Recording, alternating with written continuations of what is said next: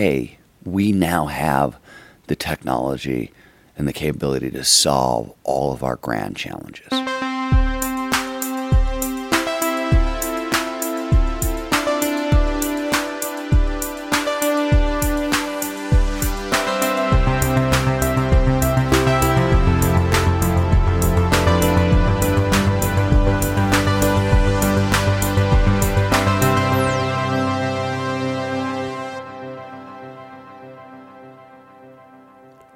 Hi, and welcome to another English episode of Heja Framtiden, a Swedish podcast on the future. We're doing this in collaboration with Warp Institute and Singularity U Nordic Summit here in Stockholm. Thank you so much for having us. For those of you who don't know Steven Kotler, he is uh, primarily a best selling author of books like Abundance, Bold, Rise of Superman, Tomorrowland, and the latest called Stealing Fire. He is currently spending most of his time exploring the human state of flow, both in his recent books and in the Flow Genome Project together with his partner Jamie Wheal. We met Steven here at Waterfront in Stockholm before speaking about flow at Singularity U Nordic Summit. My name is Christian von Essen, and uh, please connect with Heja Framtiden on all podcast and social media platforms. Read more at hejaframtiden.se. Please support our work on patreon.com and spread the word in social media so more people can get to be enlightened about the future. Uh, I have yet to come up with an international name for this podcast, so we'll stick with the Swedish brand for now. Heja Framtiden basically means go future or to cheer on the future. Anyway, here's my conversation with the incredibly interesting Steven Kotler. Enjoy.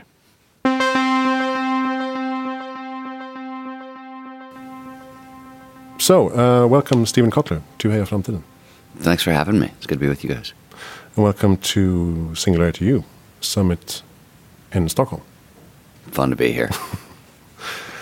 You have currently, or not currently, but you have um, quite recently released uh, the book called Stealing Fire, Mhm.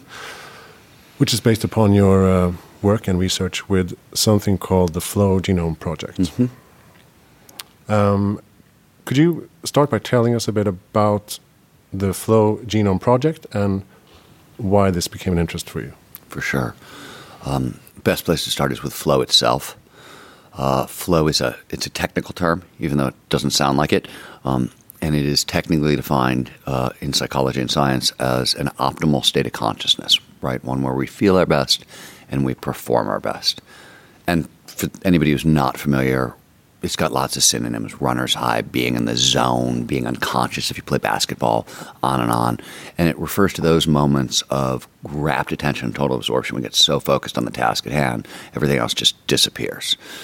Action awareness will start to merge, sense of time will vanish, your sense of self will vanish, and throughout, all aspects of performance, both mental and physical, go through the roof.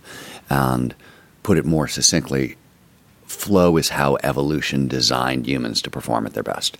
At the Flow Genome Project, um, we're using genome metaphorically, though we do do a little bit of uh, genetics work. Um, mostly it's metaphorical. There's not really good genetics anything on flow at this point.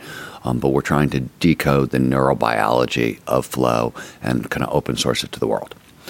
So that's the idea. And uh, Stealing Fire emerged out of five or six or seven years uh, of research, of, of mostly of sort of running around the world, talking about flow, running experiments, all that sort of stuff. And um, Stealing Fire uh, wor- is about the full kind of altered state spectrum and people tapping into kind of the entire so there's all these experiences north of happy that stretch from kind of you know awe on one end all the way through flow states runner's high meditative states um, all the way to psychedelic states and um, 100 years ago william james the godfather of american psychology um, really brilliant thinker pointed out he said he he had been studying the entire kind of altered space spectrum, what's known as the ecstatic spectrum, kind of all the experiences that are north of happy.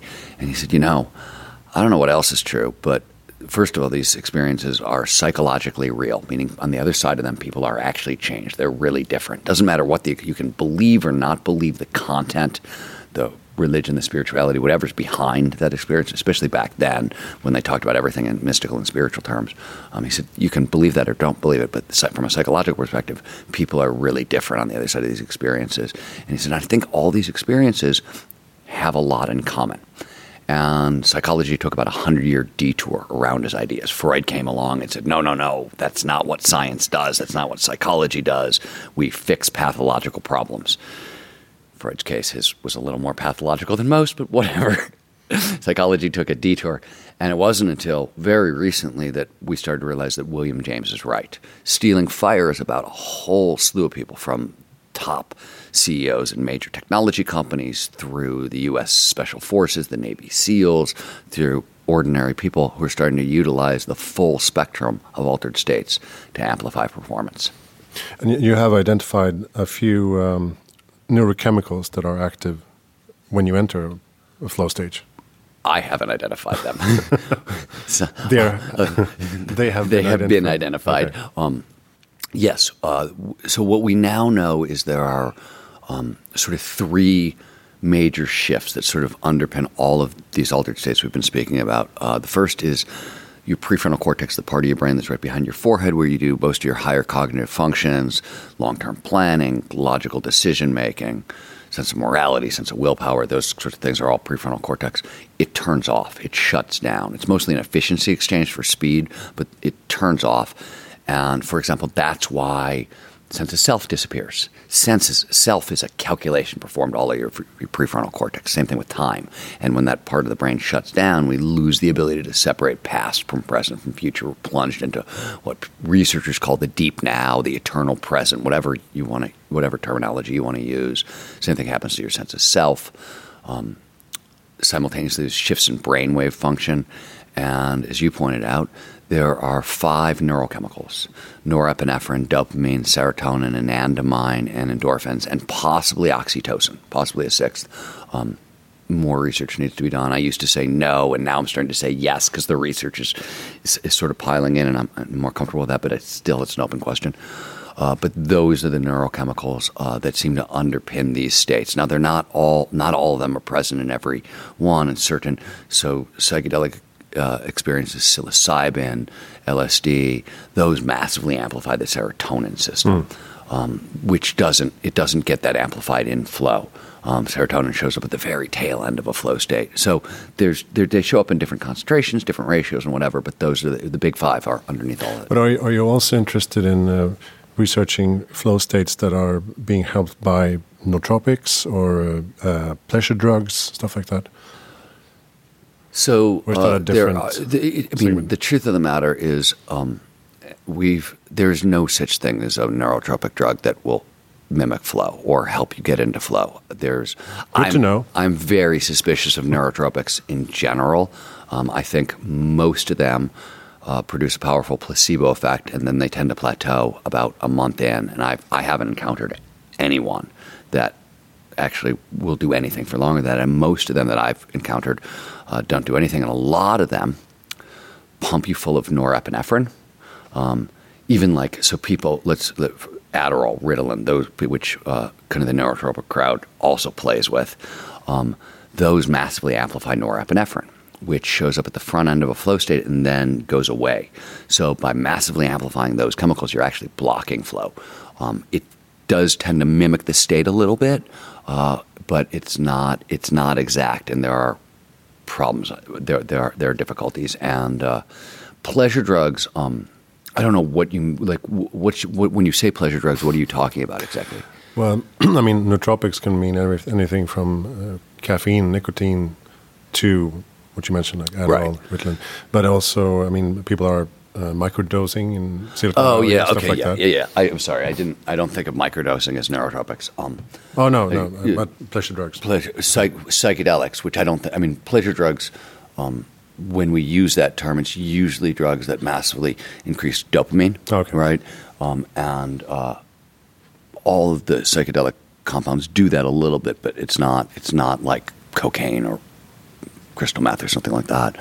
Um, And yes, I mean that was like one of the big surprises that we had when we were uh, researching Stealing Fire. It was sort of, an, for me, it was a really eye-opening moment. We all, Jamie, my part, my writing partner, and my partner in the Flow Genome Project, he had different. When we were with the Navy SEALs and we rounded a corner in their mind gym and bumped into float tanks. Uh, that blew Jamie's mind. He couldn't believe there was this '60s John Lilly technology suddenly, like in the U.S. Special Forces. That blew his mind. What blew my mind and I'm not the company will go unnamed, but we were with um, one of the biggest tech companies in the world. Hmm. Um, let's just say you use their product every day, and um, one of their senior engineers, leading a huge team, came up to us and said, "You know."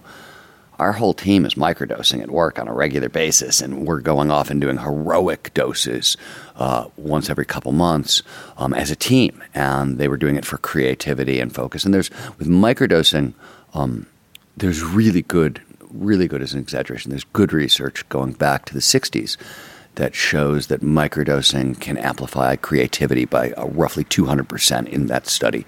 Um, and it was a pretty big study. Um, people have been looking at it since. Um, hard to get. You can't. I mean, you can't even study these compounds in general.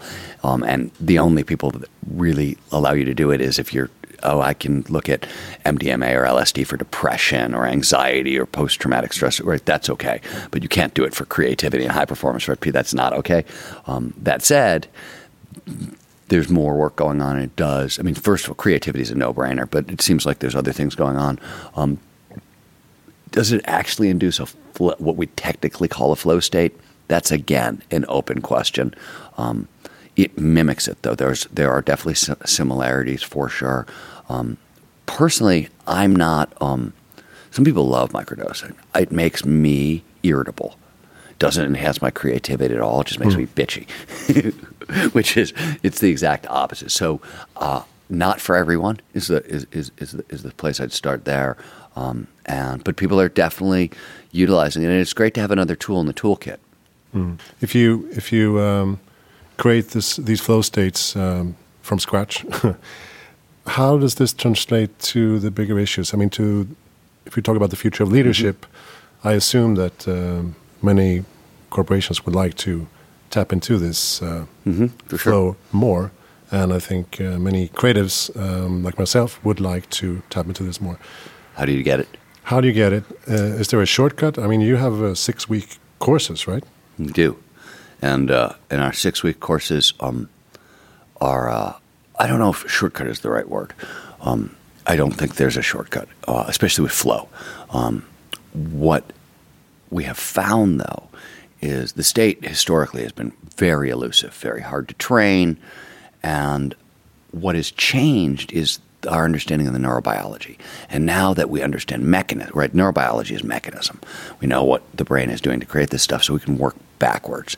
And um, our class, for example, um, we train you up. So there are about 22 flow triggers, preconditions that lead to more flow that uh, that we know about. There's probably plenty of more, but that's what we found. There are other methodologies to get in psychological ones, but we like the flow triggers because they're based on the neurochemistry. And so in, in our class, we'll train people up on these are the triggers. And we're seeing after six weeks about an hour homework a day. So you're doing about an hour of work a day.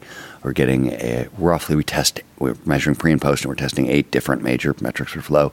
Um, we're seeing a 70% boost in flow. So this stuff is very trainable. And that, uh, we did a six week joint learning exercise with Google where we basically we just did it live, the same roughly the same class, just live, um, and we got a 35 to 80 percent increase in flow. Um, and the the difference is probably the people who are taking our classes are self selecting, so they're really into this stuff. And Google was a little wider. I think that's the difference. Um, but uh, really, what we're discovering is little knowledge gets goes a long way with this stuff, um, and it's not it's not hard to train. It, what, what's funny is those triggers because you're going about to ask me about them. What are they and where, where are they? Um, and I'll just say this uh, in advance: is they're not super sexy. People hear them and they're like, "Really, really, like really? That's what I really." And yes, really, that's exactly yes. That's the answer is yes. Um, so when we get to the question. Well, I actually have listed uh, the triggers. Oh, cool. uh, Good. no, but you mentioned like passion, purpose, uh, risk, novelty, complexity, and predictability, deep embodiment, immediate feedback, uh, clear goals, uh, lots of things that are maybe lacking in many organizations. Yes, for sure. so so it's um, so so leadership has um, a responsibility and a great um, opportunity to if if you can tap tap into these triggers to allow flow to become more permanent. Yes, and what we're seeing in organ in a lot of different organizations, Nissan, Volvo, a lot of car companies, Toyota, actually, Google, Patagonia, et cetera, et cetera. Um, they all reach for different triggers, right? Um, the shorthand, the triggers do one of two things, right? They either drive focus into the present moment, right? And they do this by either heightening norepinephrine and dopamine, which are focusing chemicals, um, or they lower cognitive load, so the amount of shit you're holding in your brain at once, um, which has the exact same function. You lower cognitive load, you can pay more resources for the present moment. That's what all those triggers are doing.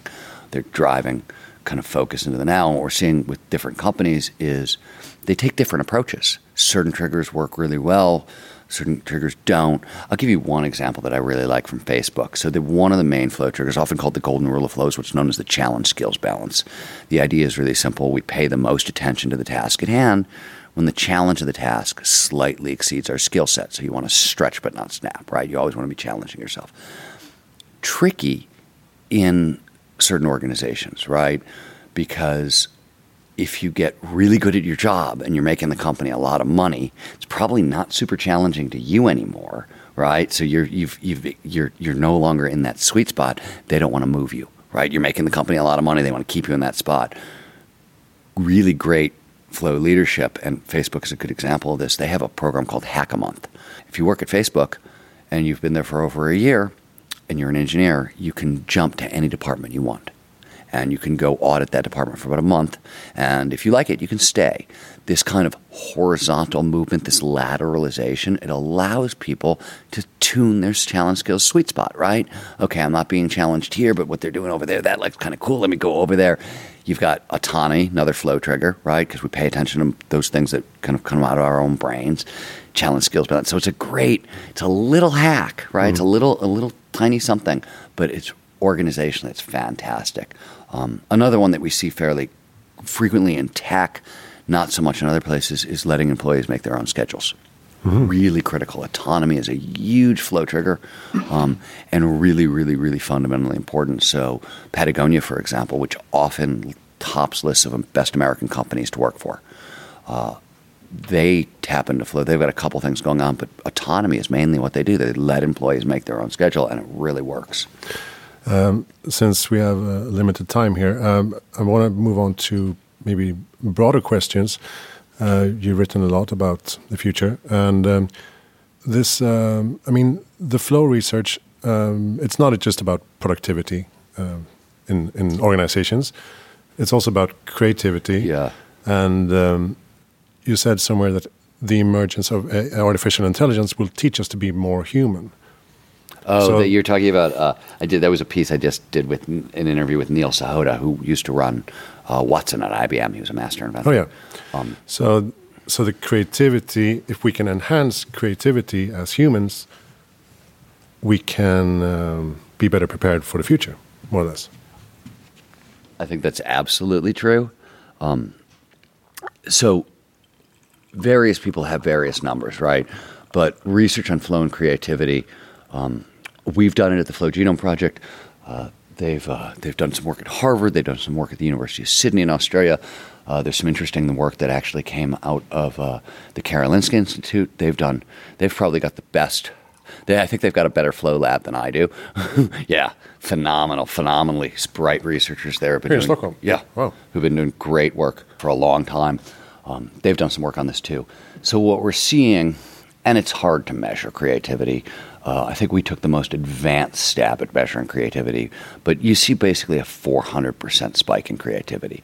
It's primarily because all the neurochemicals that show up in flow surround the creative process. But if we think about, you know, first of all, when you look at AI, what the if you if you like Garry Kasparov's research, which he was uh, the chess player, he got beat by uh, Big Blue, and then he started where he re- had the realization he's like, well, sure, an AI may beat a human, but a human and an AI working together beats an AI.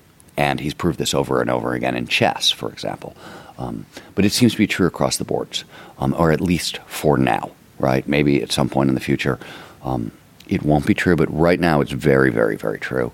And AIs are fast. They've got a lot of pattern recognition going on. There's a lot of stuff going on, and human 1.0, right, out of flow, just normally.